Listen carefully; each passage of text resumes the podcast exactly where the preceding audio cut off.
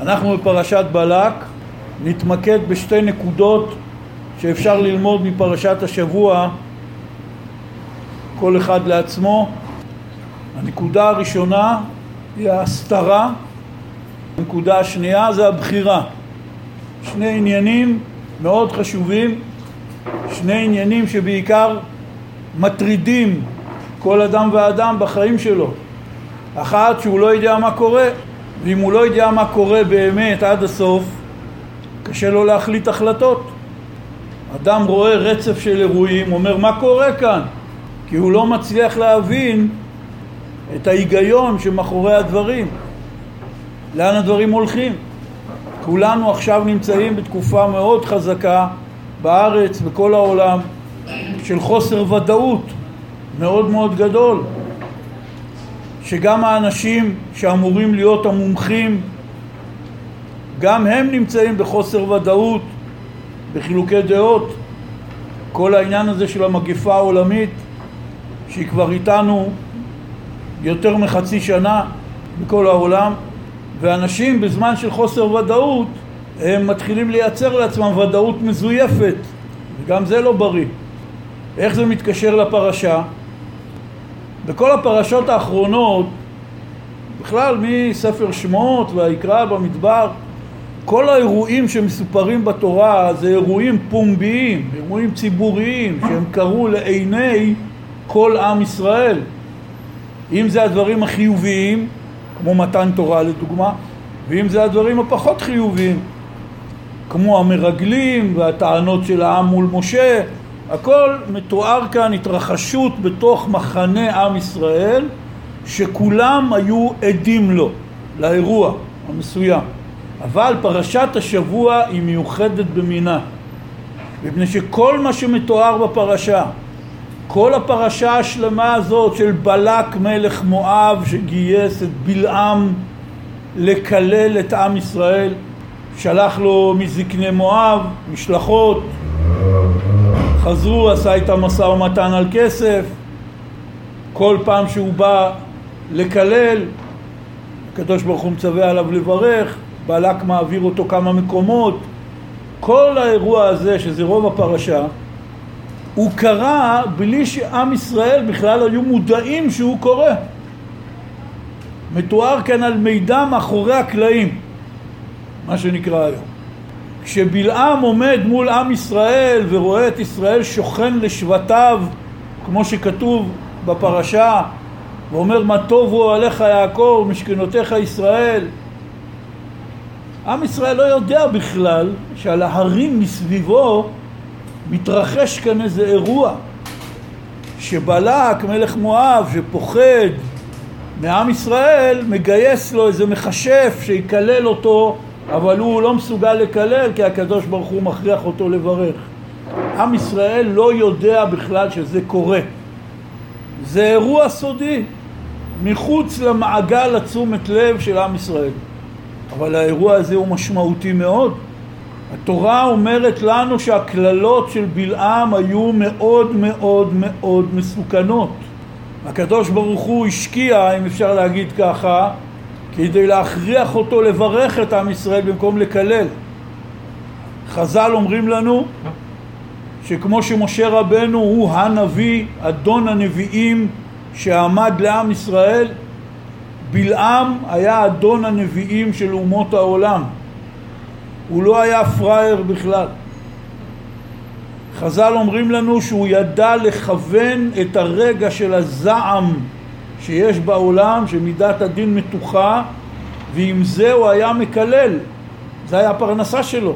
בלק שולח לו, אומר לו, תקשיב, יש פה עם בעייתי, אי אפשר לנצח אותו במלחמה, אבל אני חייב לעצור אותו. שמעתי עליך שהקללות שלך זה מאה אחוז ביצועים, אז אני צריך שתבוא לקלל לי אותו. הוא היה ידוע בכל העולם. מכשף רציני. המקלל המקצועי הזה, בלעם, מגיע. עם ישראל עומד בסכנה קשה, אבל הוא לא יודע מזה בכלל.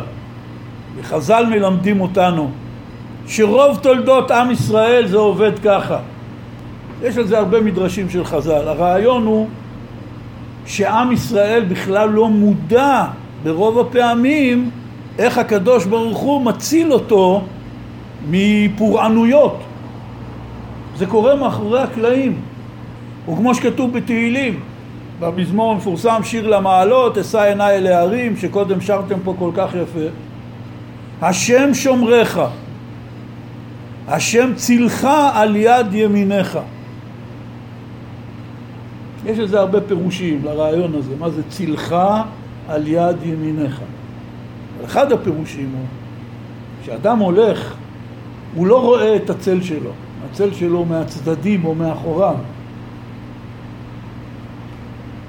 ככה עם ישראל לא רואה את הקדוש ברוך הוא שעומד לצד ימינו ושומר עליו כל הזמן. הם מתכננים תוכניות, אויבי עם ישראל. עם ישראל ברוב המקרים לא יודע על התוכניות וגם לא יודע איך העניין הזה יסתדר. הקדוש ברוך הוא עשה איזה נס, זה נס סודי.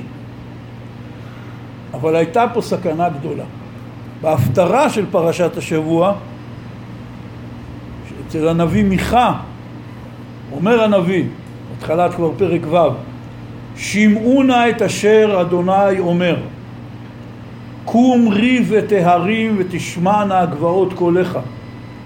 שמעו הרים את ריב אדוני והאיתנים מוסדי ארץ, כי ריב לאדוני עם עמו. ועם ישראל יתווכח. עמי, מה עשיתי לך ומה הלאתיך ענה בי כי העלתיך מארץ מצרים ומבית עבדים פדיתיך ואשלח לפניך את משה אהרון ומרים אומר הקדוש ברוך הוא להרים כביכול ולגבעות בואו תשמעו יש לי ויכוח עם עם ישראל והוא אומר לעם ישראל, הקדוש ברוך הוא אומר לעם ישראל, עמי, מה עשיתי לך ומה הלאתיך, ענה בי. מה עשיתי לך רע? במה עייפתי אותך? הלאתיך, פירוש עייפתי אותך. ענה בי, בוא תגיד, שים על השולחן. הרי העליתי אותך מארץ מצרים, ופדיתי אותך מבית עבדים, ונתתי לך את משה, אהרון ומרים, שינהיגו אותך בדרך נכונה, בדרך טובה. אבל זה לא מספיק. כלומר, הקדוש ברוך הוא אומר לעם ישראל, תראו במה הלאיתי אתכם, הוצאתי אתכם מארץ מצרים. זו טובה גדולה, כללית, נכון? אבל תראו מה הדבר השני. עמי זכור נא מה יעץ בלק מלך מואב ומענה אותו בלעם בן בעור מן השיטים עד הגלגל למען דעת צדקות אדוני. עד כאן. הנביא אומר, הקדוש ברוך הוא מדבר לעם ישראל דרך הנביא והנביא אומר, הקדוש ברוך הוא אומר, עם ישראל יש לי איתך ויכוח למה אתה לא מקיים את רצוני? הרי עשיתי לכם רק טובות איזה שתי טובות הוא מציין? טובה אחת יציאת מצרים, טובה שנייה שניטרלתי את הקללות של בלעם. מה אנחנו מבינים מהדיבור הזה של הנביא מיכה? עד כמה הסיטואציה עם בלק ובלעם הייתה מסוכנת. הרי הקדוש ברוך הוא יכל להביא פה עוד רשימה שלמה. יציאת מצרים, מתן תורה, נתתי לכם סלב ומן והוצאתי לכם מים ושמרתי עליכם והכל. וניצחתם את כל האויבים שנלחמתם איתם, כמו שקראנו בפרשה הקודמת, עם עוג מלך הבשן והכל. קרו בארבעים שנות יציאת מצרים ובמדבר, קרו הרבה ניסים גדולים. הקדוש ברוך הוא מזכיר רק שתיים, יציאת מצרים באופן כללי, ותזכור איך ניטרלתי את הקללות של בלעם והכרחתי אותו לברך אותך. מכאן אנחנו מבינים שהייתה פה סכנה עצומה, אולי הסכנה הגדולה ביותר שהייתה לעם ישראל במדבר. והקדוש ברוך הוא הציל אותם מזה. וכל זה קרה בלי שהם בכלל שמו לב.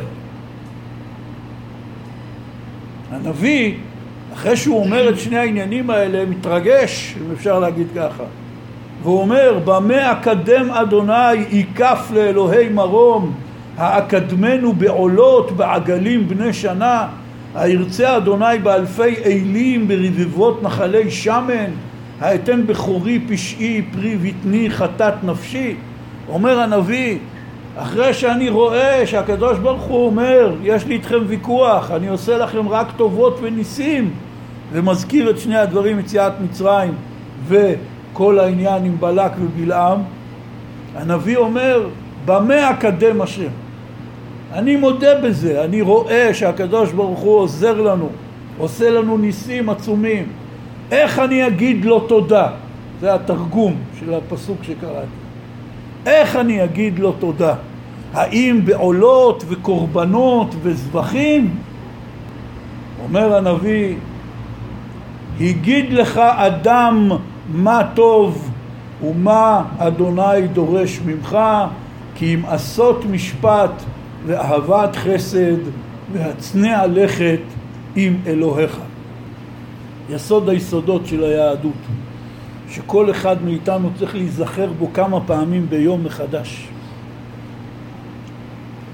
כאשר הקדוש ברוך הוא בא ואומר אני עושה איתכם כאלה, עשיתי איתכם כאלה ניסים, הנביא אומר במה אפשר להגיד תודה לקדוש ברוך הוא? כי ויכול במה אני יכול לגמול לו? אנחנו אנשים דתיים.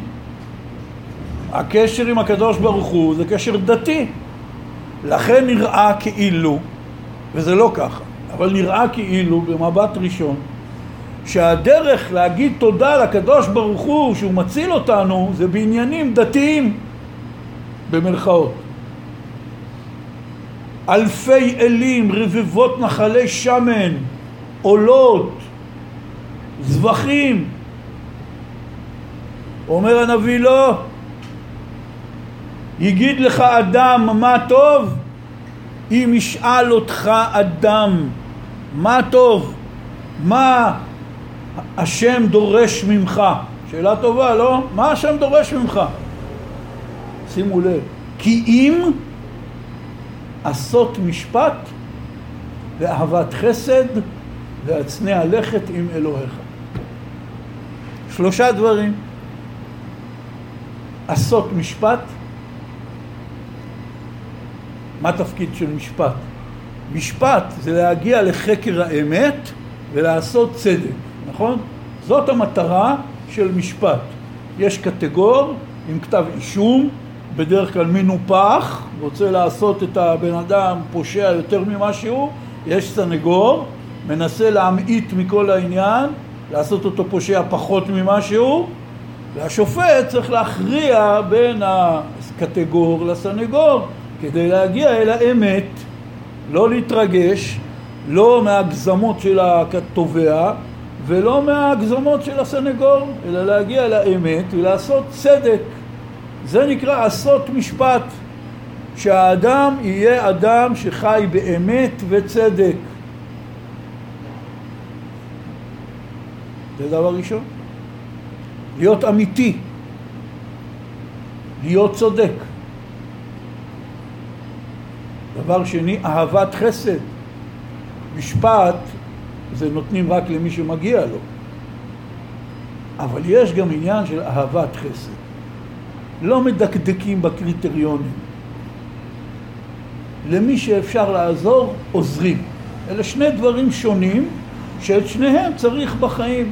יש מצב שבו אתה צריך לעשות משפט, להחליט למי מגיע, למי לא מגיע, מה האמת, מה הצדק, ויש מצב של אהבת חסד. לא עשות חסד, זה ודאי, אהבת חסד. מי שלא אוהב חסד, לא עושה חסד. זה הדבר השלישי, והצנע לכת עם אלוהיך. כל מה שאתה עושה, כל מה שאתה הולך בדרך, בדרך השם, שהכל יהיה בצניעות, בהצנע לכת. הפסוק הזה, הגיד לך אדם מה טוב ומה השם דורש ממך כי אם עשות משפט ואהבת חסד והצניע ללכת עם אלוהיך זה צריך להיות ממש עמוד האש בשביל כל אחד ואחד לזכור תמיד את הפסוק הקדוש הזה שאמר אותו הנביא מיכה בשם הקדוש ברוך הוא. ככה אומרים תודה לקדוש ברוך הוא. הוא לא מחפש עולות וזבחים ועניינים. הוא מחפש משפט חסד והצנע לכת וזה התשובה לוויכוח עם עם ישראל. ואם אפשר להסביר את הנקודה שאמרנו מדוע הנביא, הקדוש ברוך הוא, מזכיר רק שני דברים מכל רשימת הטובות והחסדים שהקדוש ברוך הוא עשה לעם ישראל, הוא מזכיר רק שני דברים. וזה פלא, כמו שאמרתי, מפני שהקדוש ברוך הוא עשה עוד הרבה טובות לעם ישראל, גם במדבר, גם בפרשות האחרונות. למה הוא מזכיר רק את יציאת מצרים? ואת מה שבלק ובלעם רצו לעשות לעם ישראל והוא נטרל אותם. מה שמיוחד בשני הדברים האלה שהאחד הוא הדבר הכי גלוי בעולם והדבר השני הוא הכי נסתר בעולם. הסבר, יציאת מצרים זה היה הדבר הכי דרמטי שיכול להיות. במשך שנה שלמה הקדוש ברוך הוא היכה את המעצמה הגדולה ביותר בעולם, מצרים, בעשר מכות שהכל היה הכי גלוי בעולם. מכת דם, כל מקורות המים נהיו מלאים דם במקום מים. צפרדע, כולם ראו את הצפרדעים כי הם היו בכל מקום, בכל פינה, בחוץ, בבתים, בכל מקום. קינים, כנ"ל. וכן הלאה. אתם בעצמכם זוכרים, דצח עדש באחיו, כולנו מכירים אגדה של פסח את הראשי תיבות, תנסו לחשוב, הכל זה מכות שראו אותם, לא היה בן אדם אחד שלא נחשף אליהם. שלא לדבר שבוודאי אמצעי התקשורת העולמיים, אם היו אז, פרסמו את זה בכל העולם, זה לא צחוק, כן? במעצמה, במדינה הכי חשובה בעולם קורים כאלה דברים שנה שלמה, השמועה חלפה בכל העולם. כלומר הקדוש ברוך הוא עשה פה ניסים גלויים, אין יותר גלוי מזה. זה סוג אחד של טובות, אבל יש את הסוג השני, עמי זכור, זכור נא מה יעץ בלק מלך בואב ומה ענה אותו בלעם בן באור מן השיטים על הגלגל למען דעת צדקות השם. זאת הטובה הכי נסתרת. קרה פה אירוע דרמטי ביותר שעם ישראל בכלל לא ידע עליו. הכי סודי. בלק עם בלעם עושים פה איזה פעולה שלמה, עוברים, הוא כל פעם הוא בונה לו מזבחות במקום אחר, עוברים מן השיטים עד הגלגל, בכל מקום, בלק אומר לו קדימה, נו תתחיל לקלל. בלעם פתאום אומר ברכה, אומר מה זה? שילמתי לך, מה העניין פה?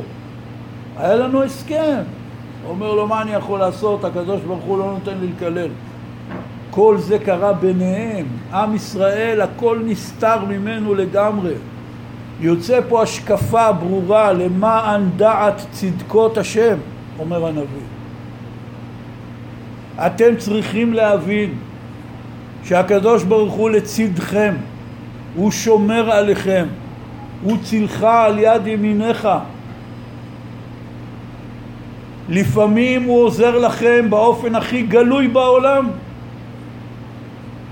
האויבים מוכרעים, כל זוממי המזימות מוכים שוק על ירך, עם ישראל ממשיך לעמוד. וכפי שאנחנו מזכירים פה הרבה, אנחנו צריכים לזכור את זה. אנחנו אחד העמים הכי עתיקים בעולם. אנחנו מדברים בשפה של אבותינו, אנחנו הולכים בדרכם הרוחנית של אבותינו, בתורה ומצוות. כמה עמים עוד יש בעולם שיכולים לחגוג היסטוריה של ארבעת אלפים שנה רציפה ומאז מתן תורה שלושת אלפים שלוש מאות שלושים ושלוש שנה שכל ילד כאן ברחוב יכול לפתוח חומש ולקרוא ולהבין מה אבותיו קיבלו במתן תורה לפני 3,300 שנה. כמה עמים כאלה יש? אני לא יודע אם יש אחד. גם העמים העתיקים הם לא מדברים באותה שפה כבר. לא כל שכן שהם לא שומרים על המסורת של אבותיהם. ואנחנו עם קטן ונרדף, אולי העם הכי נרדף בתולדות העמים.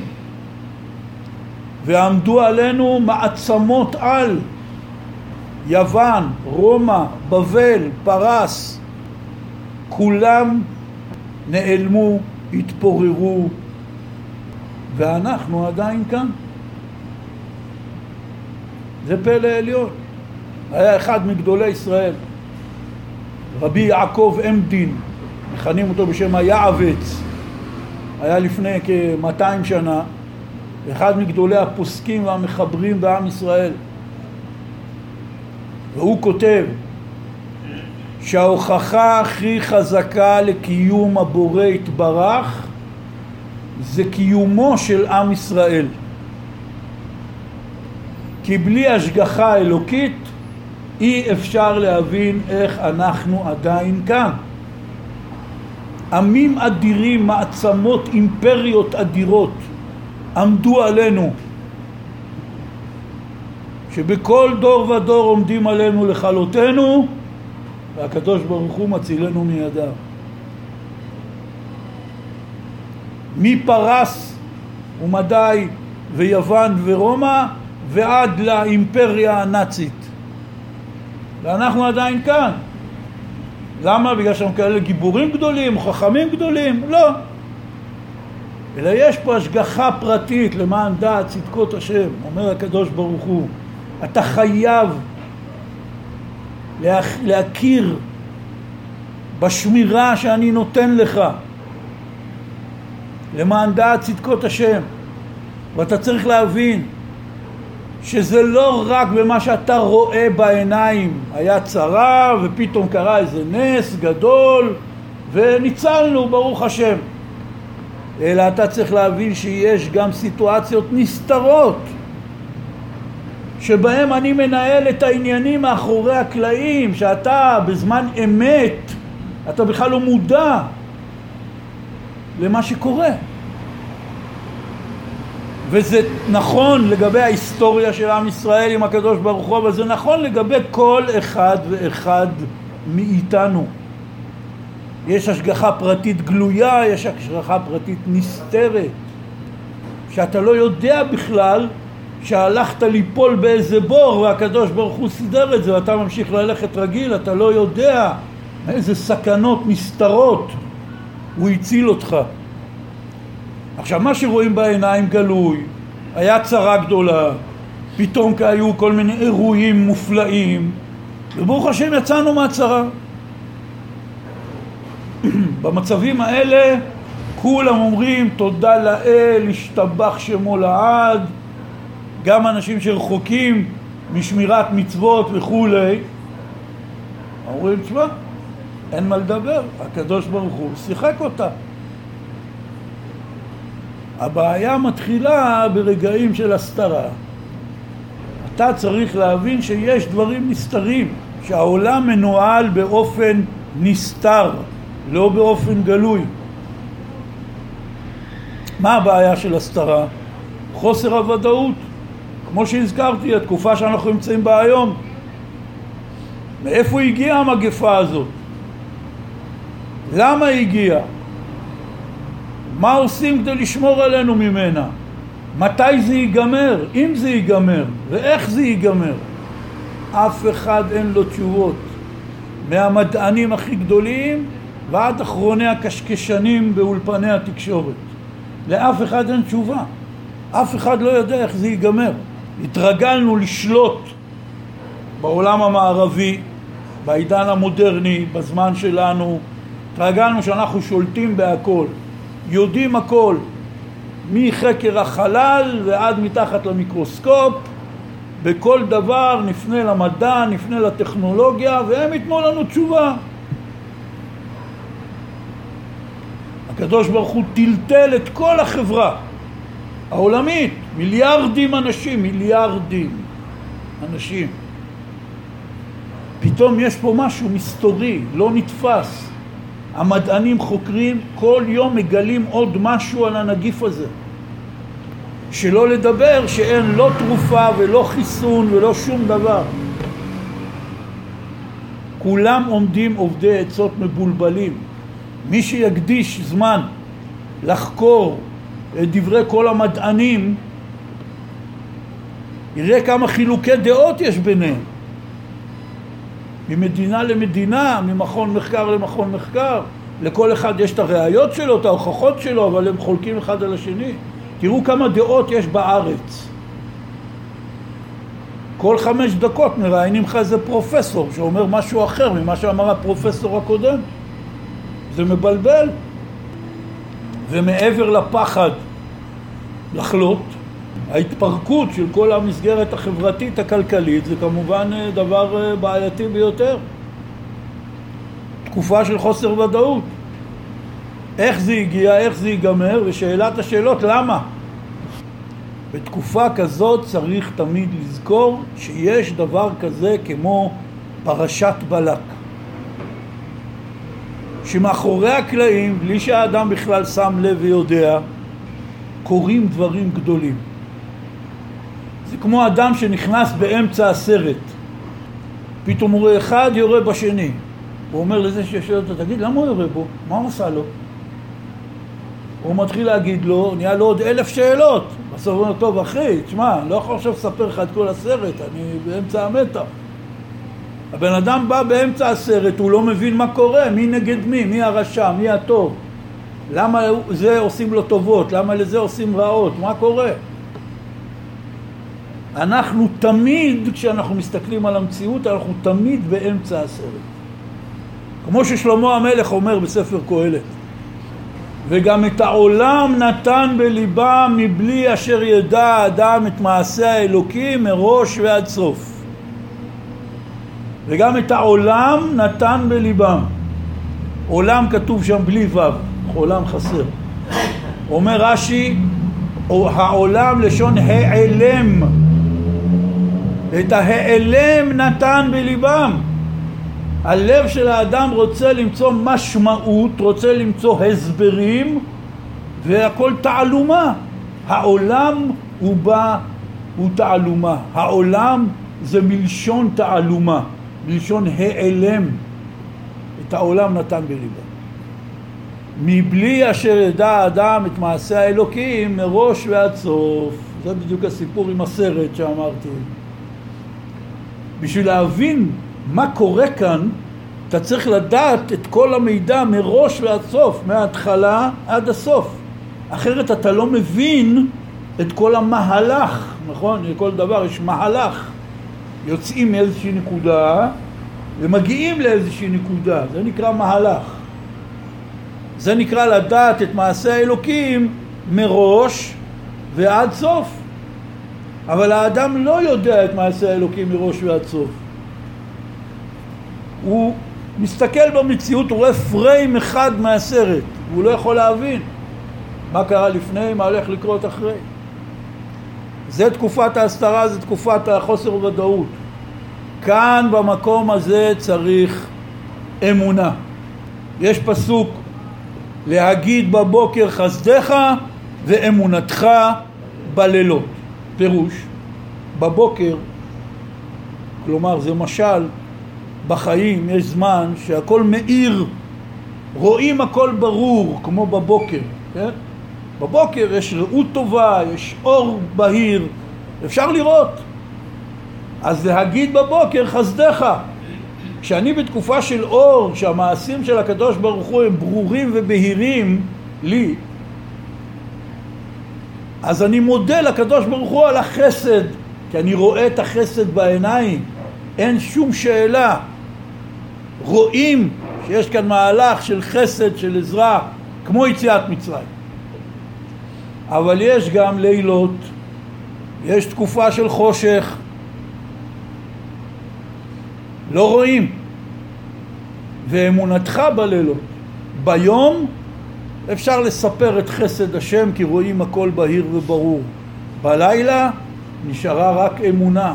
זה זמן של חושך, של הסתרה, של חוסר ודאות. צריך אמונה חזקה שמאחורי הקלעים יש מי ששומר עלינו. יש מי שמנהל את העולם.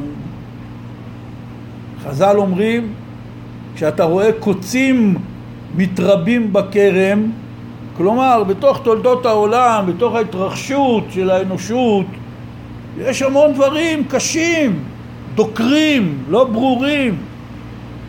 אומרים חז"ל, אל תדאג שבעל הכרם משגיח על הכרם. יש כאן תוכנית, אתה לא מבין את התוכנית. לפעמים יש לך טענות קשות מאוד נגד הקדוש ברוך כמו שמשה רבנו, כשהוא בא לפרעה אמר לו שלח את עמי, כמו שהקדוש ברוך הוא ציווה עליו, פרעה, לא רק שהוא לא מוצ... משחרר את העם, הוא עוד מוסיף להם גזרות יותר קשות. בא משה רבנו אומר לקדוש ברוך הוא למה ראות על העם הזה? לא רואים פה את התוכנית אבל יש תוכנית. יש תכלית, יש משמעות, יש בורא עולם. האדם צריך ללמוד להיות מודע להשגחה של הקדוש ברוך הוא ולהיות מודה לו, להגיד לו תודה בשני המצבים. גם במצב של חסד גלוי לא להיות כפוי טובה, להגיד בבוקר חסדך, לא להיות כפוי טובה. אחת התקלות הכי קשות אצלנו, אצל בני אדם מאמינים, שכאשר המצב הוא לא כל כך טוב, באים בטענות לקדוש ברוך הוא. אבל כשהעניינים מסתדרים, לא ישר רצים להודות לו. להגיד למה להתלונן בזה אנחנו טובים. ולהגיד תודה אנחנו פחות טובים. וכל אחד מאיתנו יודע שאם מישהו היה בא אלינו לבקש עזרה באמת מעומק הלב ואתה אפילו מודאג מהצרה שלו, אתה עושה הכל בשביל לעזור לו והוא אפילו לא בא להגיד לך הכל יסתדר, תודה רבה, אני מאוד מודה לך אחרי זמן אתה פוגש אותו, אומר תגיד מה נהיה עם אותו עניין? אומר לך, לא, באמת, עזרת לי מאוד, הכל הסתדר. אתה נפגע מזה. לבוא לבקש, ידעת. לבוא להגיד לי שהכל הסתדר ולהגיד תודה, זה שכחת. צריך ללמוד את העבודה של להגיד בבוקר חסדך. אבל צריך ללמוד גם את העבודה של ואמונתך בלילות. לדעת להאמין שמאחורי הקלעים הקדוש ברוך הוא משגיח עלינו. לפעמים אנחנו לא רואים את ההשגחה, לפעמים אנחנו מקבלים מכות קשות ביותר כעם וגם כבני אדם פרטיים. אבל מאחרי הכל עומדת תוכנית. והקדוש ברוך הוא כבר אמר לנו על ידי הנביא, כי לא מחשבות, מחשבותיי, מחשבותיכם, אני חושב אחרת מכם. לפעמים במחשבה שלכם נראה לכם ברור שמשהו כאן לא עובד, יש פה איזה תקלה, זה המחשבות שלכם, לא מחשבותיי מחשבותיכם. אצל הקדוש ברוך הוא אין תקלות, הכל מתוכנן, איך אומרים היום, הכל מכתוב.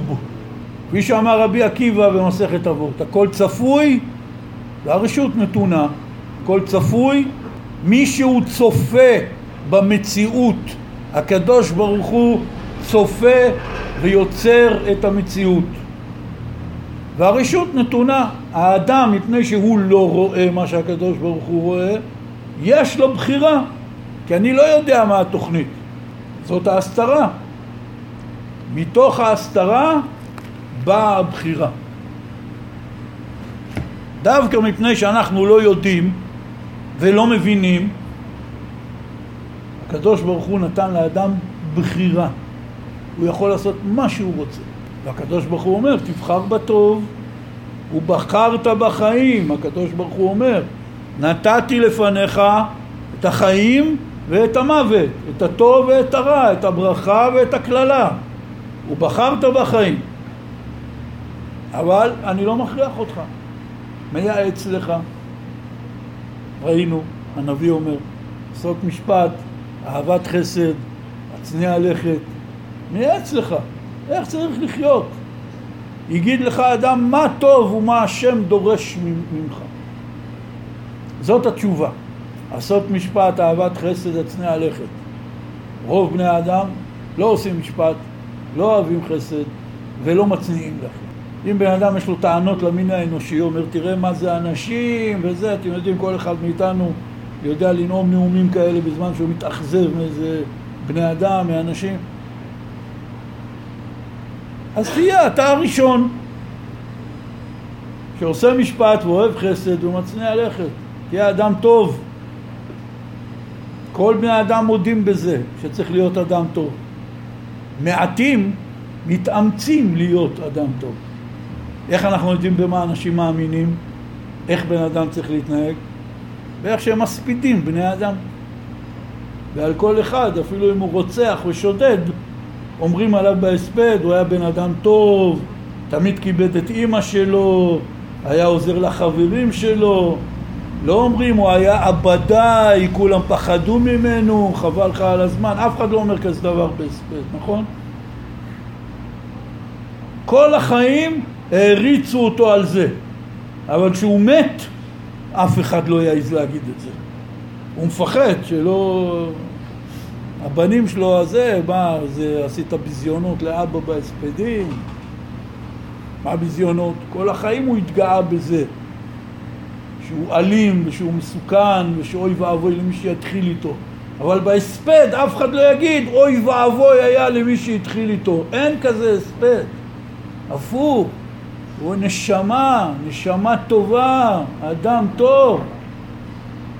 זה הוכחה פשוטה וברורה שכולנו כאחד, כולל הרוצחים והשודדים, מאמינים בעומק ליבנו שהתכלית של האדם בחיים זה להיות אדם טוב. רק רובנו אולי לא מצליחים בזה, אבל אנחנו מאמינים שזה העניין. ואז ממילא כל העבודה של האדם בחיים זה לדאוג שבהספד שלו לא יצטרכו לשקר. זה הכל. וכבר הצעתי, ודאי גם כאן, שכל אדם יכתוב לעצמו את ההספד שהוא היה רוצה שיגידו עליו. ההספד הזה, זאת התורה שלך. זה מה שאתה מאמין באמת. עכשיו קח את הדף הזה, באריכות ימים ושנים, ותתחיל לנסות להגיע למצב הזה שההספד הזה יהיה נכון. אתה רוצה שיגידו לך בהספד? הוא לא הוציא שקר מהפה, כל מילה שלו זה היה אמת. תתחיל לעבוד על זה ממחר בבוקר.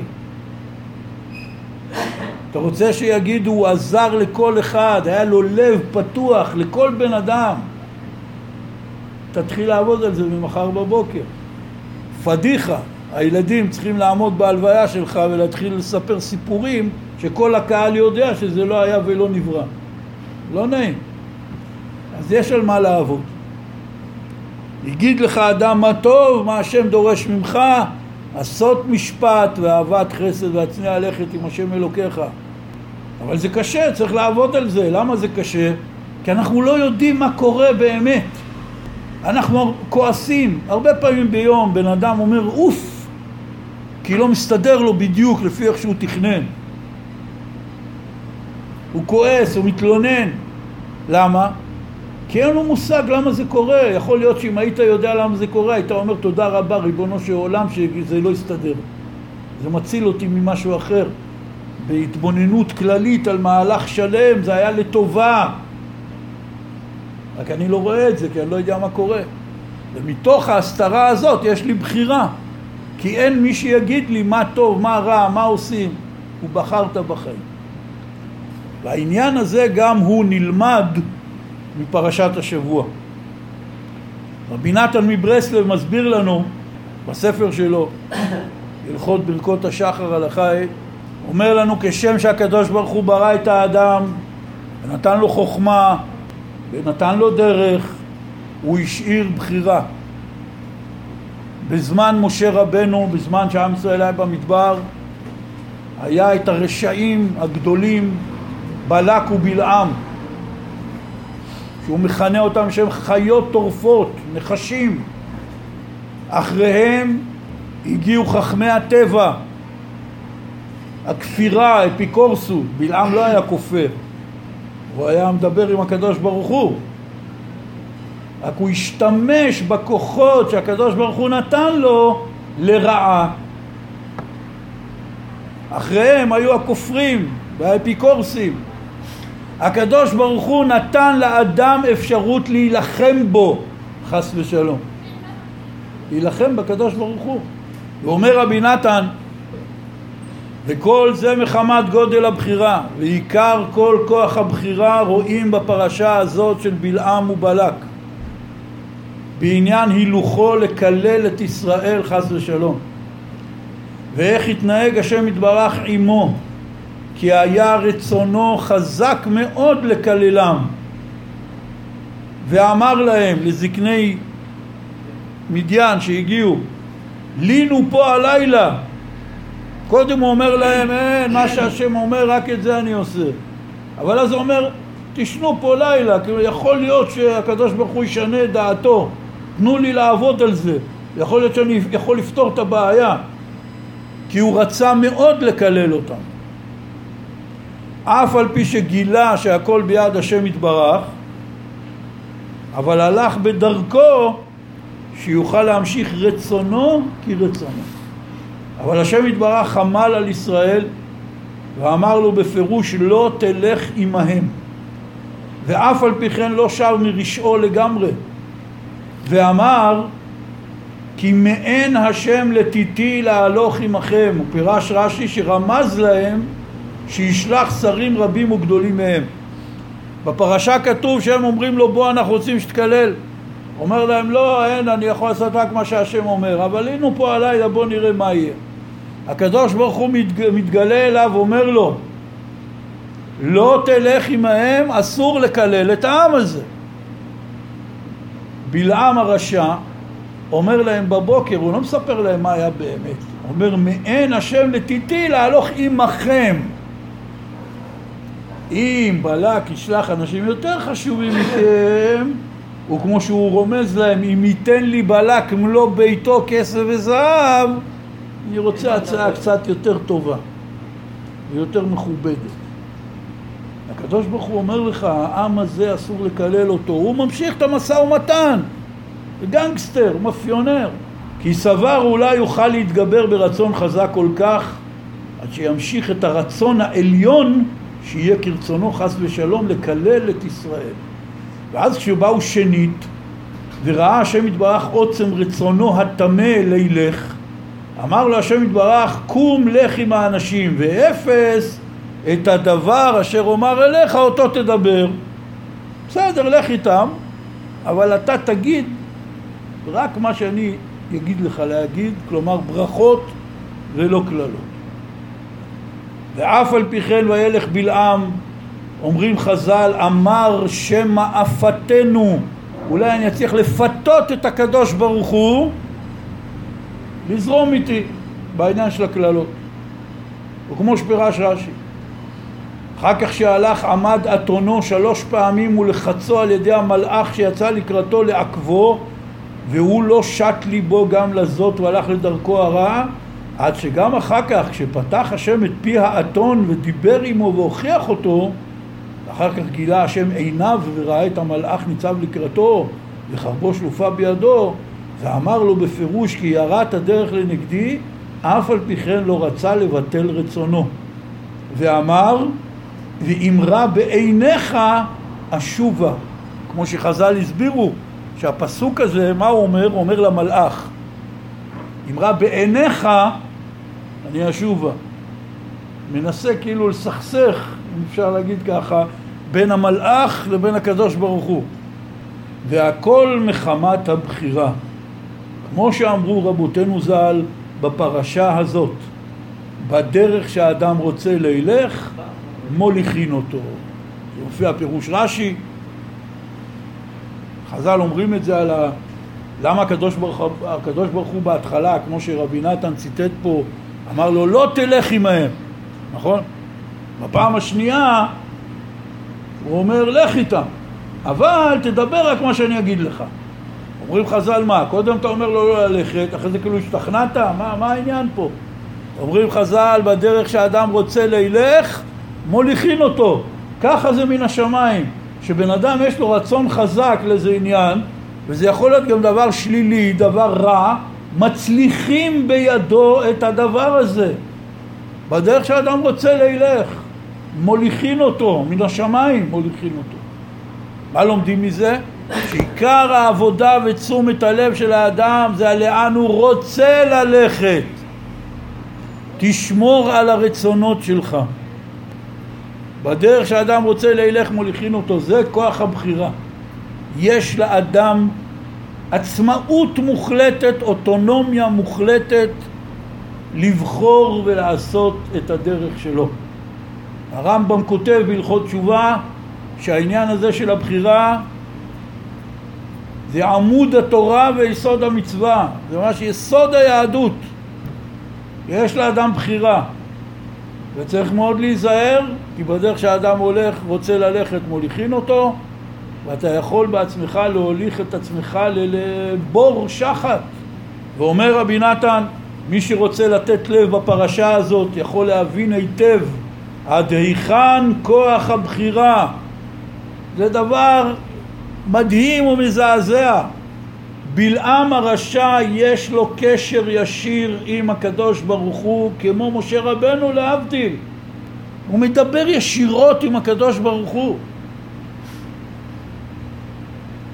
והקדוש ברוך הוא עושה לו כבוד, הקללות שלו הן מסוכנות, הקדוש ברוך הוא משקיע כביכול כדי לנטרל אותו. ואז אתה מסתכל בפסוקים ולומד את רש"י, מסתכל במדרשי חז"ל, אתה קולט, זה בן אדם נבזה חדל אישים. כל מה שמעניין אותו זה כבוד, שישלח לו שרים יותר מכובדים, כן? כסף, אם ייתן לי מלוא ביתו כסף וזהב. וגם מה שחז"ל רומזים בכל העניין עם האתון שלו שהיה פרוץ מאוד בפריצות וגילוי עריות.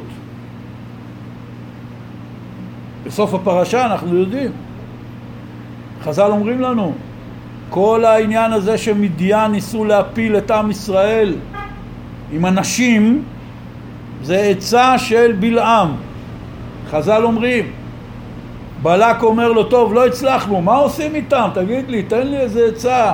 אמר לו, תקשיב טוב, אלוקיהם של אלו שונא זימה. תפיל אותם בזימה, הכל פתוח. אדם נבזה וחדל אישים ורשע, איך זה יכול להיות? הקדוש ברוך הוא מדבר איתו חופשי.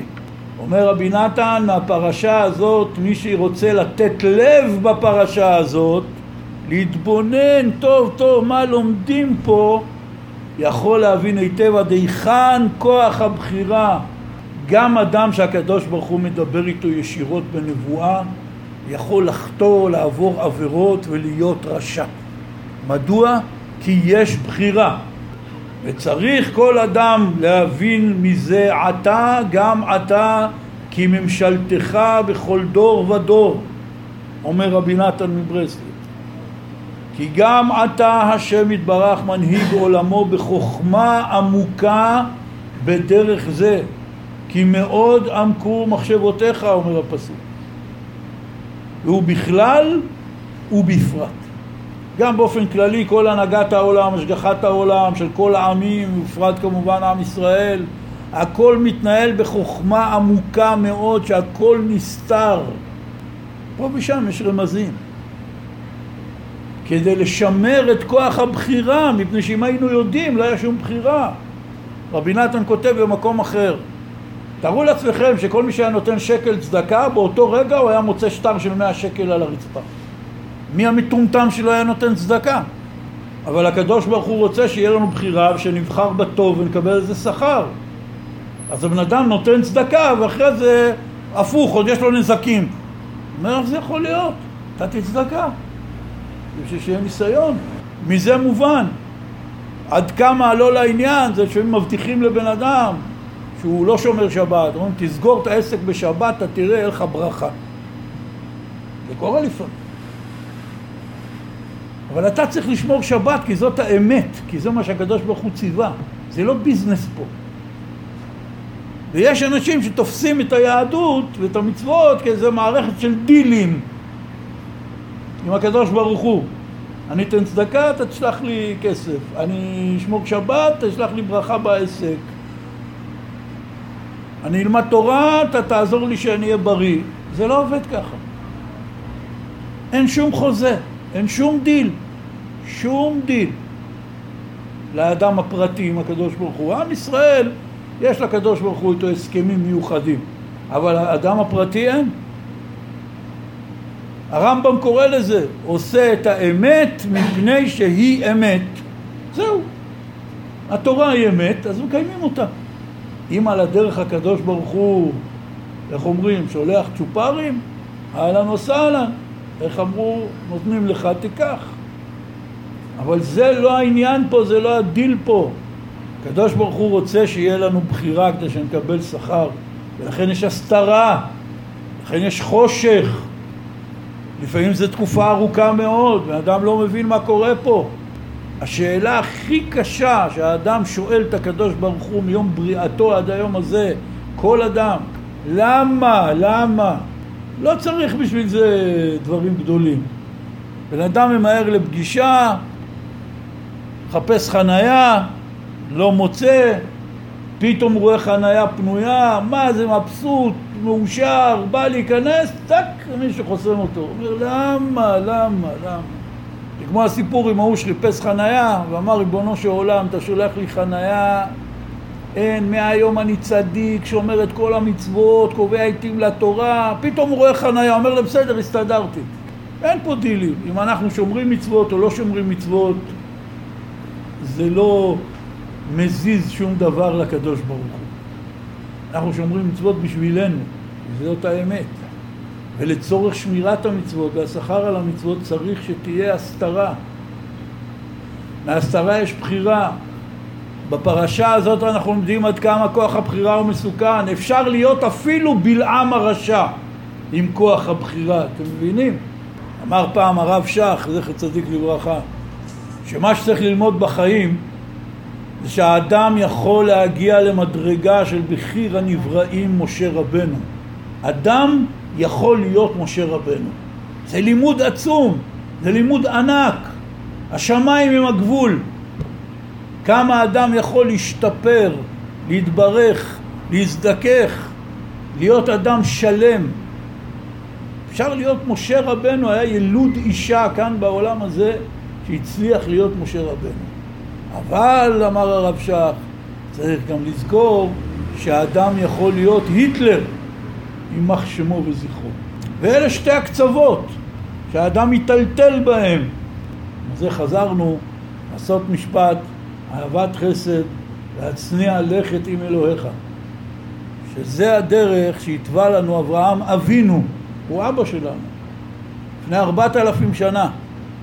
אנחנו זוכים פה, אם לא לקיים את זה, לפחות זוכים לשבת כאן אחרי ארבעת אלפים שנה ולהיזכר באברהם אבינו ובדרכו ולרצות להיות מתלמידיו ועד כמה שאפשר להתרחק מהקצה האחרון לא להיות מתלמידי בלעם הרשע.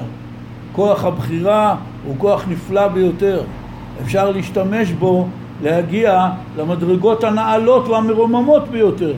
אבל כוח הבחירה הוא גם מאוד מסוכן, מפני שאפילו אדם שדיבר עם הקדוש ברוך הוא היה יכול להיות כזה רשע ונבזה כמו בלעם הרשע, הוא הדוגמה שלנו כמה צריך להיזהר ולשמור טוב טוב על כוח הבחירה.